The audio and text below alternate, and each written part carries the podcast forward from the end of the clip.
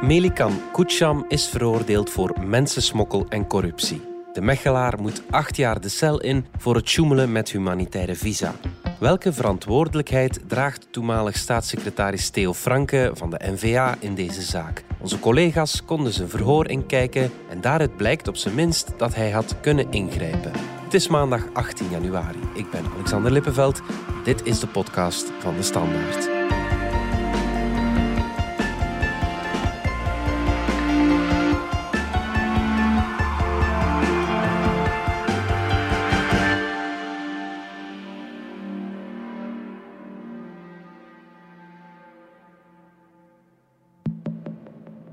Mark Eekhout van onze binnenlandredactie en Matthias Verbergt van onze politieke redactie.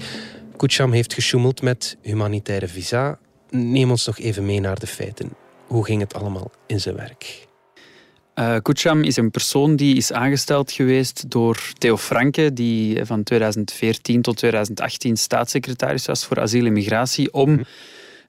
Namen aan te dragen voor mensen die een humanitair visum zouden krijgen van ons land. En mhm. zo'n humanitair visum is eigenlijk een manier waarop iemand die in gevaar is um, in eigen land op een snelle manier naar België kan gebracht worden om hier dan asiel aan te vragen en dus bescherming aan te vragen. Ja.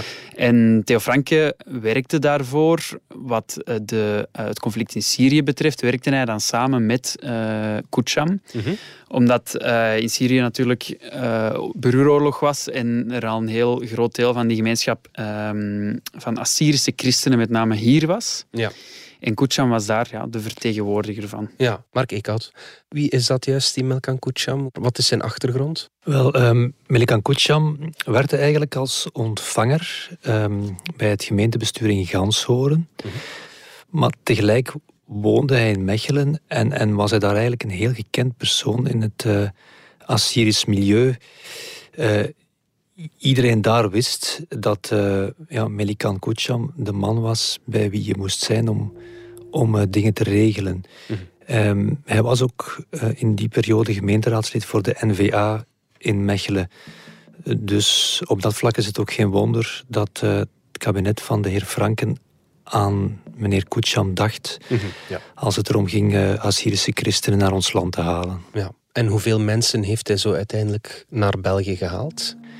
Wel, uh, meneer Kucham heeft uh, om en bij de 250 mensen vanuit Syrië uh, naar ons land gehaald. Mm -hmm. Dat is een aanzienlijk deel van het in totaal 1500-tal personen die ja. tijdens het bewind Franke met een humanitair visum naar ons land zijn gekomen. Ja, oké. Okay. Um, tot hiertoe klinkt dat allemaal heel kosher, maar waar het niet dat hij daar grof geld aan verdiend heeft, Melkan Kucham, en dat is niet de gebruikelijke procedure. Hè?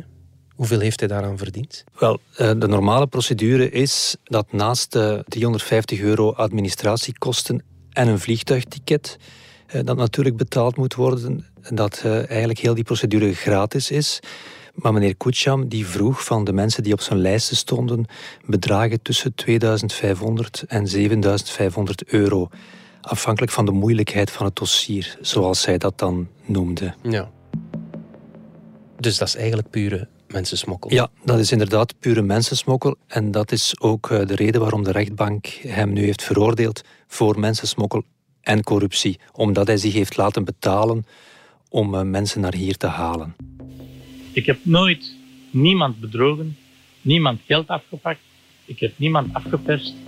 En wat er hier allemaal werd verteld, berust echt op jaloezie, op politieke afrekening en een stuk op eigenlijk stand, uh, ja, hoe zeg je, standhard vasthouden van, van parket om er hier een zaak van te maken. Het opkloppen van zaak.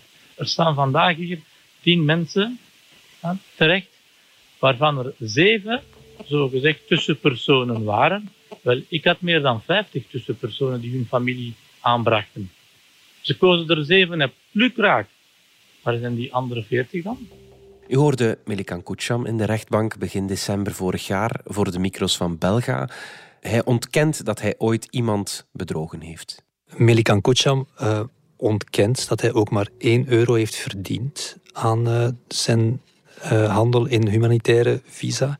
Maar de speurders hebben wel in een bankluis op naam van zijn vrouw een kleine 400.000 euro gevonden. Mhm. Allemaal cash in pakjes van 5000 euro of meer samengebonden. Ja. Kucham zelf zegt dat dat geld afkomstig is van cadeaus en ook een vergoeding voor onteigende gronden in Turkije. Maar volgens de speurders uh, is dat lang geen afdoende uitleg en zij denken dat, die, uh, dat dat geld wel degelijk afkomstig is van zijn handeltje in Visa. Ja. Wij zijn uh, een grote familie en we hebben familietegoeden, ook in Turkije gehad. Die zijn onteigend, daarvan hebben we gelden gekregen. Die gelden zijn ook bij mij in, in die kluis gevonden. Ik heb dat uitgelegd met papieren, zwart op wit, waar het vandaan komt. Wij organiseren ook trouwfeesten met elkaar. We hebben andere gelegenheden. Ik werk al 21 jaar. En uh, voilà. Maar hetgeen men in de kluis gevonden heeft, is nog geen fractie, nog geen een tiende wat men op mijn rug schrijft. Allee, als jij een tiende vindt van wat dat je denkt, dan moet je niet komen zeggen dat komt daarvan. Hè. Hij heeft acht jaar cel gekregen en een kleine 700.000 euro boete. Was dat te verwachten? Wel, het parket had tien jaar cel tegen hem gevraagd. Mhm. Dat de rechtbank hem acht jaar heeft gegeven is dus eigenlijk wel degelijk een, eh, een zware straf. Kucham zelf heeft eh, altijd volgehouden dat hij zich niets te verwijten had. Hij zegt, en hij blijft dat eigenlijk herhalen tot op vandaag, dat het gerecht geen enkel bewijs heeft tegen hem, dat hij nooit betaald heeft, dat zij niet kunnen uh, ja, bewijzen dat hij, dat hij geld heeft gevraagd. Um, ja, daarom gaat hij ook in beroep tegen die straf. Mhm. Na de uitspraak van de rechtbank vorige week blijft Theo Franken achter zijn beleid staan. Maar hij vindt de veroordeling van Melkan Kucham terecht. Zo zegt hij in dit persbericht. Ik heb altijd verklaard dat als Melikan Koussam schuldig bevonden zou worden door de rechtbank, hij ook streng gestraft moet worden. Mensensmokkelaars moeten hard aangepakt worden. Dit valt op geen enkele manier goed te praten. Ikzelf, nog mijn kabinet, zijn ooit beschuldigd, laat staan veroordeeld en hebben vanaf dag één constructief meegewerkt aan het gerechtelijk onderzoek. Ik heb me verder wijselijk onthouden van commentaar in afwachting van het vonnis. Ik blijf achter mijn beleid staan waarbij we vele Syrische christenen hebben kunnen redden uit de klauwen van IS. Koussam was binnen die operatie een van de vele contactpersonen voor de humanitaire luchtbrug, aangeduid door de Assyrische kerkgemeenschap uit Mechelen. Hij maakte volgens het vonnis misbruik van die functie en dat op kap van de meest kwetsbaren. Een zware straf is dan ook gepast. Dit is de persmededeling van Franken meteen na de veroordeling. Opmerkelijk, hij laat uitschijnen dat hij niet op de hoogte was. Mark en Matthias, jullie hebben zijn verhoor ingekeken. Wat kunnen we daaruit leren? Wel, voor alle duidelijkheid, daaruit blijkt ook niet dat Frank effectief op de hoogte was van het feit dat Kucham geld vroeg voor de humanitaire visa. Nu, er zijn wel een aantal andere interessante zaken die blijken uit uh, die verhoren. Het gaat met name dan over uh, de verhoren van Franke zelf mhm. en van zijn medewerkster, die we hebben kunnen inkijken. En ook een aantal telefoontaps tussen Franke en zijn medewerkster. Oké. Ik denk dat er twee belangrijke lessen uit te trekken zijn. Eén is het feit dat er in de tijd na de laatste reddingsoperatie met Kucham, maar voor de bewuste Pano-uitzending waar het, uh, de fraude aan het licht kwam, mhm. er al een groot aantal signalen waren mhm. uh, die het kabinet Franke en ook zelfs uh, Theo Franke zelf hadden bereikt. Ja, oké. En wat voor signalen waren dat dan? Wel, het, uh, de meest opmerkelijke waarschuwing die Theo Franken heeft gekregen was afkomstig van zijn eigen partijgenote Sophie de Wit, mhm. die als burgemeester van Aartselaar een tip heeft gekregen van iemand van de Assyrische gemeenschap daar in Aartselaar. En die zei dat er een uh, tussenpersoon die werkte voor het kabinet Franken geld kreeg om Assyrische christenen naar ons land te laten komen. Uh, ja, Theo Franke vond die tip blijkbaar te vaag. Hij zegt in zijn verhoor dat hij die mensen altijd heeft aangeraden om naar de politie te gaan. Maar zelf heeft hij in elk geval niks gedaan. Hij heeft daar ook niet met zijn kabinetsmedewerker over gepraat. Hij heeft dat gewoon blauw-blauw gelaten. Wat op zich toch een beetje vreemd is, omdat alleen mevrouw De Wit toch ook niet om het even wie is. Mhm. En daarbij komt dat de, de Wit ook al de naam Kucham had gehoord. Hè. Dus ehm, zonder aantallen of bedragen, maar het ging wel al over de naam Kucham. En dat was in oktober, ehm, die tip. Ja. En dan kwam er een tweede tip, die dateert van begin december. Die kwam, en dat hebben we nu ook pas voor het eerst achterhaald, van Jeroen Windij. En Jeroen Windij is lang kabinetchef geweest van Lisbeth Homans, die toen in de Vlaamse regering zat en ook Vlaams uh, vice-minister-president was. Ja. Maar die ondertussen uh, topambtenaar is uh, bij de Vlaamse overheid. En dus die Jeroen Windij had ook vernomen van een contactpersoon dat ook Melikan Kutscham zich zou hebben schuldig gemaakt aan het vragen van geld voor die humanitaire visa. Mm En het is belangrijk om te weten dat begin december Theo Franke nog steeds staatssecretaris was. Mhm. Maar de regeringscrisis rond het VN-migratiepact was toen volop bezig. En in het weekend van 8 en 9 december is de NVA dan uit de regering gestapt. Ja. En het is pas wanneer de NVA uit de regering is gestapt op het kerstfeestje van het kabinet Franken, mhm. dat Franke aan de medewerkster die dus die humanitaire visa beheerde, mhm. voor het eerst heeft gesproken over de tip die hij van, uh, van Windij had gekregen. Ja, oké. Ehm, dus als ik het samenvat, dat zijn twee contactpersonen die je als heel betrouwbaar kunt beschouwen. Franken doet daar niets mee. Mag ik samenvatten dat hij zijn kop in het zand heeft gestoken op dat moment? Dat is moeilijk om uh, in zijn hoofd te kijken natuurlijk, mhm. maar ik kan niet anders dan de vaststelling maken dat op het moment dat hij staatssecretaris was en die tips kreeg, dat hij niet met een intern onderzoek is begonnen binnen zijn eigen kabinet om te kijken of er iets van aan was. Mhm. Maar dat hij pas ja, daar breder mee is gegaan, eh, naar zijn eigen kabinetsmedewerkers toe, nadat hij staatssecretaris af was. Ja. De conclusie die wij toch wel moeten trekken na het lezen van zijn verhoor en ook de telefoontaps, dat is dat de toenmalig staatssecretaris Theo Franken niet echt veel moeite heeft gedaan om te weten te komen wat er echt aan de hand was mhm. en hoe meneer Kucham uh, echt werkte. Want volgens ons, ja, had hij die moeite gedaan, dan had hij toch wel vrij snel kunnen weten uh, dat er een en ander uh, los was met de technieken die meneer Kucham gebruikte mhm. om mensen naar hier te halen. Jullie hebben ook het verhoor ingekeken van Frankens kabinetmedewerkster die verantwoordelijk was voor de humanitaire visa. Wat stond daarin te lezen? Wel, zij zorgde ervoor dat, dat de lijsten die Kucham maakte, uh, ja, dat die goed bij de administratie werden verwerkt. Ja. Nu, het bizarre aan, heel die zaak is toch wel dat die mevrouw in kwestie uh, goed bevriend was met Kucham. Wat toch niet echt uh, haar objectiviteit garandeert. Hmm. Ehm, ze ging geregeld eten met Kucham. Kucham was ook gast op haar trouwfeest. Uh, ze zegt zelf in haar verhoor dat meneer Kucham de bruidstaart op haar huwelijk heeft betaald. En dat hij haar ook een mooi cadeau heeft gegeven. Ja, je kan je toch vragen stellen of het echt wel zo verstandig is om ja, samen te werken in zo'n delicate materie met iemand met wie je bevriend bent. Ja. Pas op, er is uit het onderzoek niets dat blijkt dat die kabinetsmedewerker in, in kwestie dat die onder één hoedje zou gespeeld hebben eh, met meneer Kucham. Integendeel, uit die verhoren en uit de telefoontaps blijkt ook dat zij zich eigenlijk gerold voelt door hem. Ja. Maar toch, ehm, wat zeker is, dat is dat ze minstens heel uh, naïef is geweest. Ja. En dat is toch wel ja, onbegrijpelijk in zo'n delicate materie. Franken kreeg in de hoorzitting in de Kamer begin 2019 heel wat kritiek voor zijn beleid. U hoort hier achtereenvolgens Nahima Langery van CD&V, Wouter de Vriend van Groen en Patrick de Waal van Open VLD. U koos voor een sluipweg, een corridor van ons kent ons. U had blijkbaar meer vertrouwen in uw partijgenoot dan in uw eigen administratie. U geloofde de heer Kutscham blindelings. Uw beleid hier was amateuristisch, naïef, laks en doorspekt met vriendjespolitiek. En daarvoor hebt u eigenlijk geen enkele verklaring uh, gegeven. Men heeft hier een nieuw kanaal gecreëerd. Men heeft hier een nieuw kanaal gecreëerd wat niet de bedoeling is van een discretionaire bevoegdheid die uitzonderlijk moet zijn. Dat is een uitzonderingsprocedure dat systeem moet toch helemaal hervormd worden om zo'n misbruiken in de toekomst te vermijden? Het systeem van humanitaire visa heeft wel degelijk een bestaansreden, omdat dat een kanaal voorziet voor mensen die anders nooit in aanmerking zouden komen of die bijvoorbeeld in zo'n precaire situatie zitten dat tijd van het uiterste belang is. Mhm.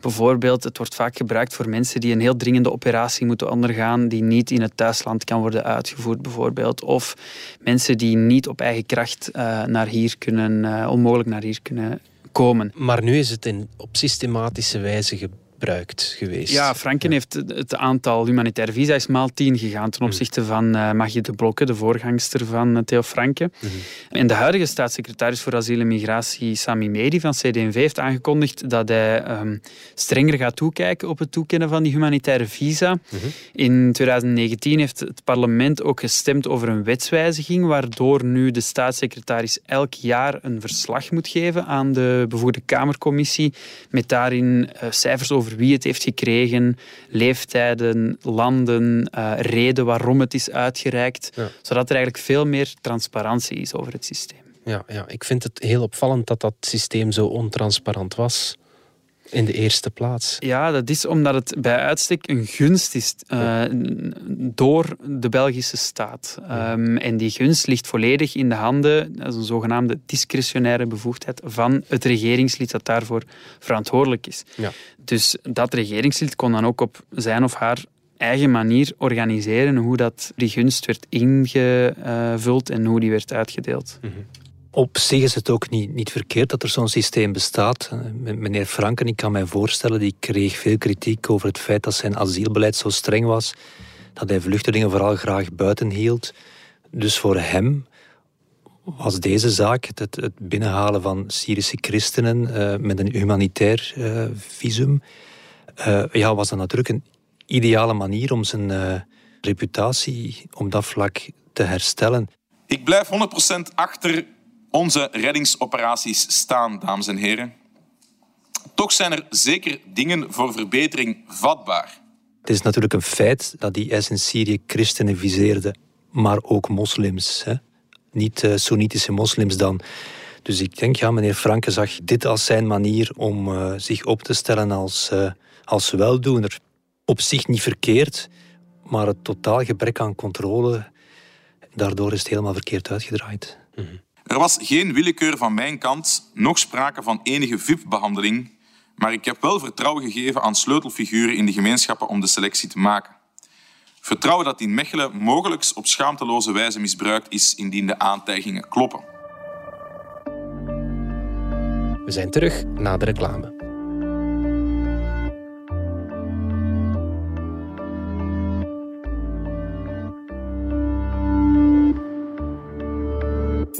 Niets is, alles wordt. Dat hadden de Grieken 2500 jaar geleden al begrepen. En dat is nog altijd zo. Vandaag wellicht meer dan ooit. Maar hoe vind je je weg in een wereld die almaar sneller verandert?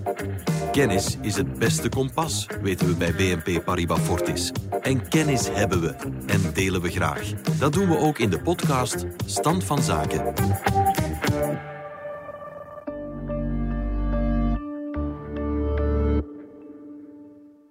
Moet een minister of een staatssecretaris eigenlijk van iedereen met wie zijn kabinet samenwerkt, zoals die Melkan Kucham, moet hij alle details kennen van zijn doen en laten en van hoe hij te werk gaat? Nee, dat is onmogelijk natuurlijk om voor een staatssecretaris uh, alles te weten. Um, wat er op zijn kabinet uh, gebeurt of wat er via zijn kabinet gebeurt. Maar er zijn wel twee dingen. Eén, hij draagt de politieke verantwoordelijkheid daarvoor. En twee, in dit geval waren er wel een aantal zaken die misschien Franken hadden moeten doen beseffen dat hij dit wel van iets nabijer had moeten volgen. Franken heeft in zijn hoorzitting in de Kamer achteraf gezegd wij controleerden of die mensen effectief kwetsbaar waren, bijvoorbeeld. Of zij in aanmerking kwamen om vluchteling te zijn of, of er effectief vluchtgevaar was? Uh, er is geen VIP-behandeling. Men heeft dat op een gelijke manier alle dossiers behandeld.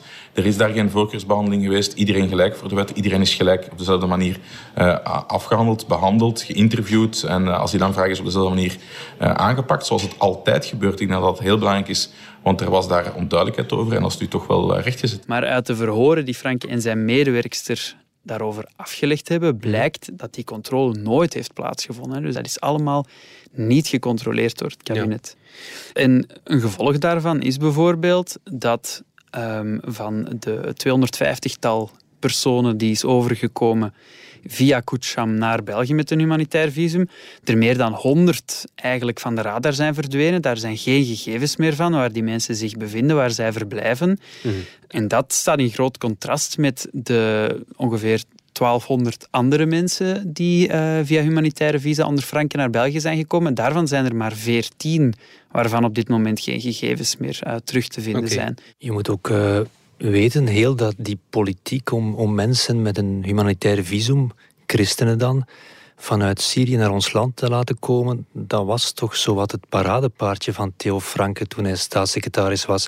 Hij was er heel fier op. Hij, pakte daar ook mee uit. Mhm. Het minste wat je dan toch van hem kan verwachten, dat is dat hij dat systeem zou controleren en dat hij, ja, dat hij er toch zou voor zorgen dat dat vlekkeloos verloopt.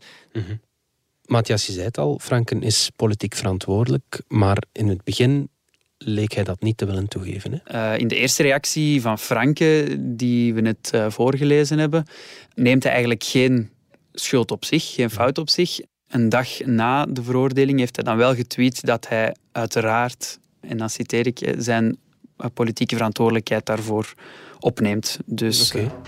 En wat wil dat dan zeggen? Want ontslag nemen als staatssecretaris, dat kan hij niet meer doen natuurlijk. Dat kan hij niet meer doen. Dat kon trouwens ook niet meer toen het schandaal aan het licht kwam in eh, januari 2019. Maar goed, hij bekleedt nog altijd de functie van Kamerlid. Als je kijkt in Nederland, is eh, Lodewijk Asser, mhm. die ook door een uh, schandaal getroffen werd, maar ook geen minister meer was, is hij wel ook afgetreden als parlementslid bijvoorbeeld. Dus je ziet wel dat soms politieke verantwoordelijkheid ook daartoe kan leiden. Zelf zelfs al bekleed je de functie niet meer. Mhm. En hoe realistisch is dat in deze? Ik denk weinig realistisch, omdat um, Franken ook het argument gebruikt dat hij is vrijgepleit door de kiezer. Er zijn verkiezingen geweest in mei 2019, een aantal maanden na het uitbarsten van het uh, schandaal Kucham. En daarbij heeft Franke erg goed gescoord, 122.000 voorkeurstemmen gekregen in Vlaams-Brabant. Mhm.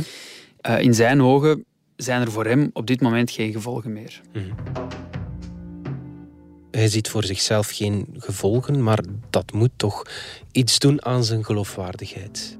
Ja, ik denk de grootste klap is gekomen twee jaar geleden hè, aan zijn geloofwaardigheid. Eh, vandaag is dat natuurlijk bevestigd. Mm Franken is vandaag toch een van de gezichten van de oppositie tegen de regering De Croo. Mhm. Maar eh, om heel eerlijk te zijn, weet ik niet of dit hem nog zo lang opnieuw zal achtervolgen. Net omdat er in der tijd al zoveel aandacht naar is gegaan. Ja. Dus ik denk eigenlijk ook dat voor de publieke opinie de zaak ja, min of meer geclasseerd is. Franken is ook inderdaad een uh, publiekslieveling. Veel mensen zullen hem ook zien als een slachtoffer van een soort heksjacht die op hem wordt gevoerd door media en, en tegenstanders. Ja, iets dat vele mensen zien in dit hele proces. Ja. En is hij binnen de partij dan niet wat gezakt in de interne pikorde? De belangrijkste factor in de interne pikorde van partijen is denk ik voorkeurstemmen. En daarin is hij uh, onkloopbaar. Ja. Dus ik denk dat dat meevalt. Wat wel zo is, is dat hij geen fractieleider is geworden van de NVA in de Kamer. Dat is nog steeds Peter de Rover. Dus in die zin uh, is hij op dit moment gewoon tussen aanhalingstekens Kamerlid. Mhm. Maar hij blijft een speerpunt van de partij, ongetwijfeld ook achter de schermen. Simpelweg ook omdat ja, een partij zo'n electoraal goudhaantje ook natuurlijk niet uh, snel opgeeft. Mhm. De laatste dagen klonk ook de kritiek Mocht het de PS geweest zijn, dan ging de NVA nu vol met de voeten vooruit. Dat komt nu als een boemerang terug in eh, het gezicht van Franken. Ja, de NVA staat er inderdaad wel voor bekend om um, redelijk meedogenloos te zijn voor politieke tegenstand. Mhm. En Franke was daar bij uitstek, denk ik, het voorbeeld van. Onder meer ook op sociale media. Ja. Als dan blijkt dat iemand via uw kabinet onwettig migratie heeft bevorderd en mhm. ja, mensensmokkel heeft bedreven, dan is dat natuurlijk pijnlijk. Mhm. Als één ding uh, blijkt uit het gerechtelijk dossier en ook uit de verhoren en de telefoontaps die wij gelezen hebben, dat is dat het op het systeem zoals Theo Franken dat toepaste met uh, meneer Kucham, dat daar totaal geen controle op bestond. Mhm. Dat eigenlijk nog Theo Franken, nog zijn medewerkster goed wisten wie meneer Kucham eigenlijk was. Dat ze aan hem een macht hebben toegekend die hij totaal niet verdiende, die hij, die hij heeft misbruikt. Iemand die volgens het psychiatrisch onderzoek dat ook in het dossier zit, een enorm hoog zelfbeeld heeft, eh, die, die zichzelf heel wat vindt, hè, die zichzelf heel bijzonder vindt. En net aan zo iemand gaat men nog extra macht toekennen, eigenlijk bijna macht over leven en dood. Ja, en dat is, als je dat dossier bekijkt, eigenlijk ongelooflijk om vast te stellen dat zoiets mogelijk is geweest. Ja. Theo Franken zelf reageerde intussen op de gelekte verhoren. Hij zegt: Men probeert loze verdenkingen de wereld in te sturen door selectief stukken uit een geheim strafdossier openbaar te maken. Dat is volstrekt onaanvaardbaar. Dat meent de NVA. Hij houdt vol dat hij nooit gelogen heeft in de Kamer, dat hij niemand om de tuin heeft geleid. Maar terug naar de rechtszaak. Uh, Kucham gaat nu in beroep. Maakt hij volgens jou een kans, Mark? Kucham is uh, in elk geval ervan overtuigd dat hij in beroep gelijk zal krijgen. Hij, hij begrijpt zijn veroordeling niet. Uh, hij ziet het als een complot tegen hem en tegen de NVA. Hij blijft volhouden en zijn advocaten steunen hem daar ook in dat hij geen euro ontvangen heeft voor uh, al de mensen die hij volgens hem geholpen heeft. Hij, hij ziet zichzelf dus niet als mensensmokkelaar. Nu, we zullen zien in beroep. Het Openbaar Ministerie had zijn onmiddellijke aanhouding gevraagd. Uh, ze hebben dat niet gekregen, dus uh, Kucham blijft op vrije voeten tot aan zijn beroep. Dus ik denk dat we binnen een paar maanden uh, meer gaan weten. Dan zal er een definitieve uitspraak zijn. Oké. Okay. Mark Eekhout, Matthias Verwerkt, dank jullie wel. Graag gedaan. Dit was de podcast van De Standaard. Bedankt voor het luisteren. Reageren kan via podcast.standaard.be. Alle credits vind je op standaard.be-podcast. Morgen zijn we opnieuw.